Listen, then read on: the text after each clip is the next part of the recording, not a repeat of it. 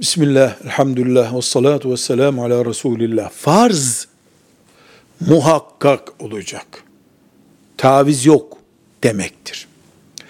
İlim farz ne zaman olur? Ya da nelerin ilmi farzdır? Cevap. Müslüman neyi yapması farz ise onun bilgisini öğrenmesi de farzdır. Mesela Ramazan-ı Şerif orucu tutmak nedir? Farzdır. O zaman bir oruç bir gün nasıl tutulur onu öğrenmek de farzdır. Mesela Muharrem ayının 10. gününde oruç tutmak nedir? E sünnettir.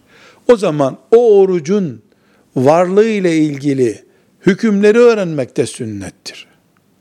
Yani cevap olarak hangi ilim farzdır sorusuna cevap olarak ne diyoruz?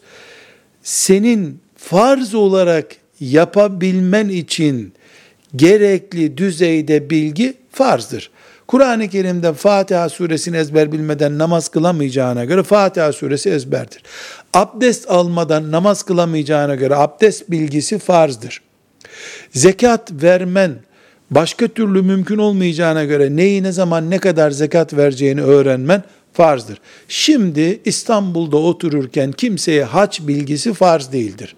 Ama parası var, kurası çıkmış, Mekke'ye gidecek birisi haç nasıl yapılır bunu öğrenmesi farzdır artık. Velhamdülillahi Rabbil Alemin.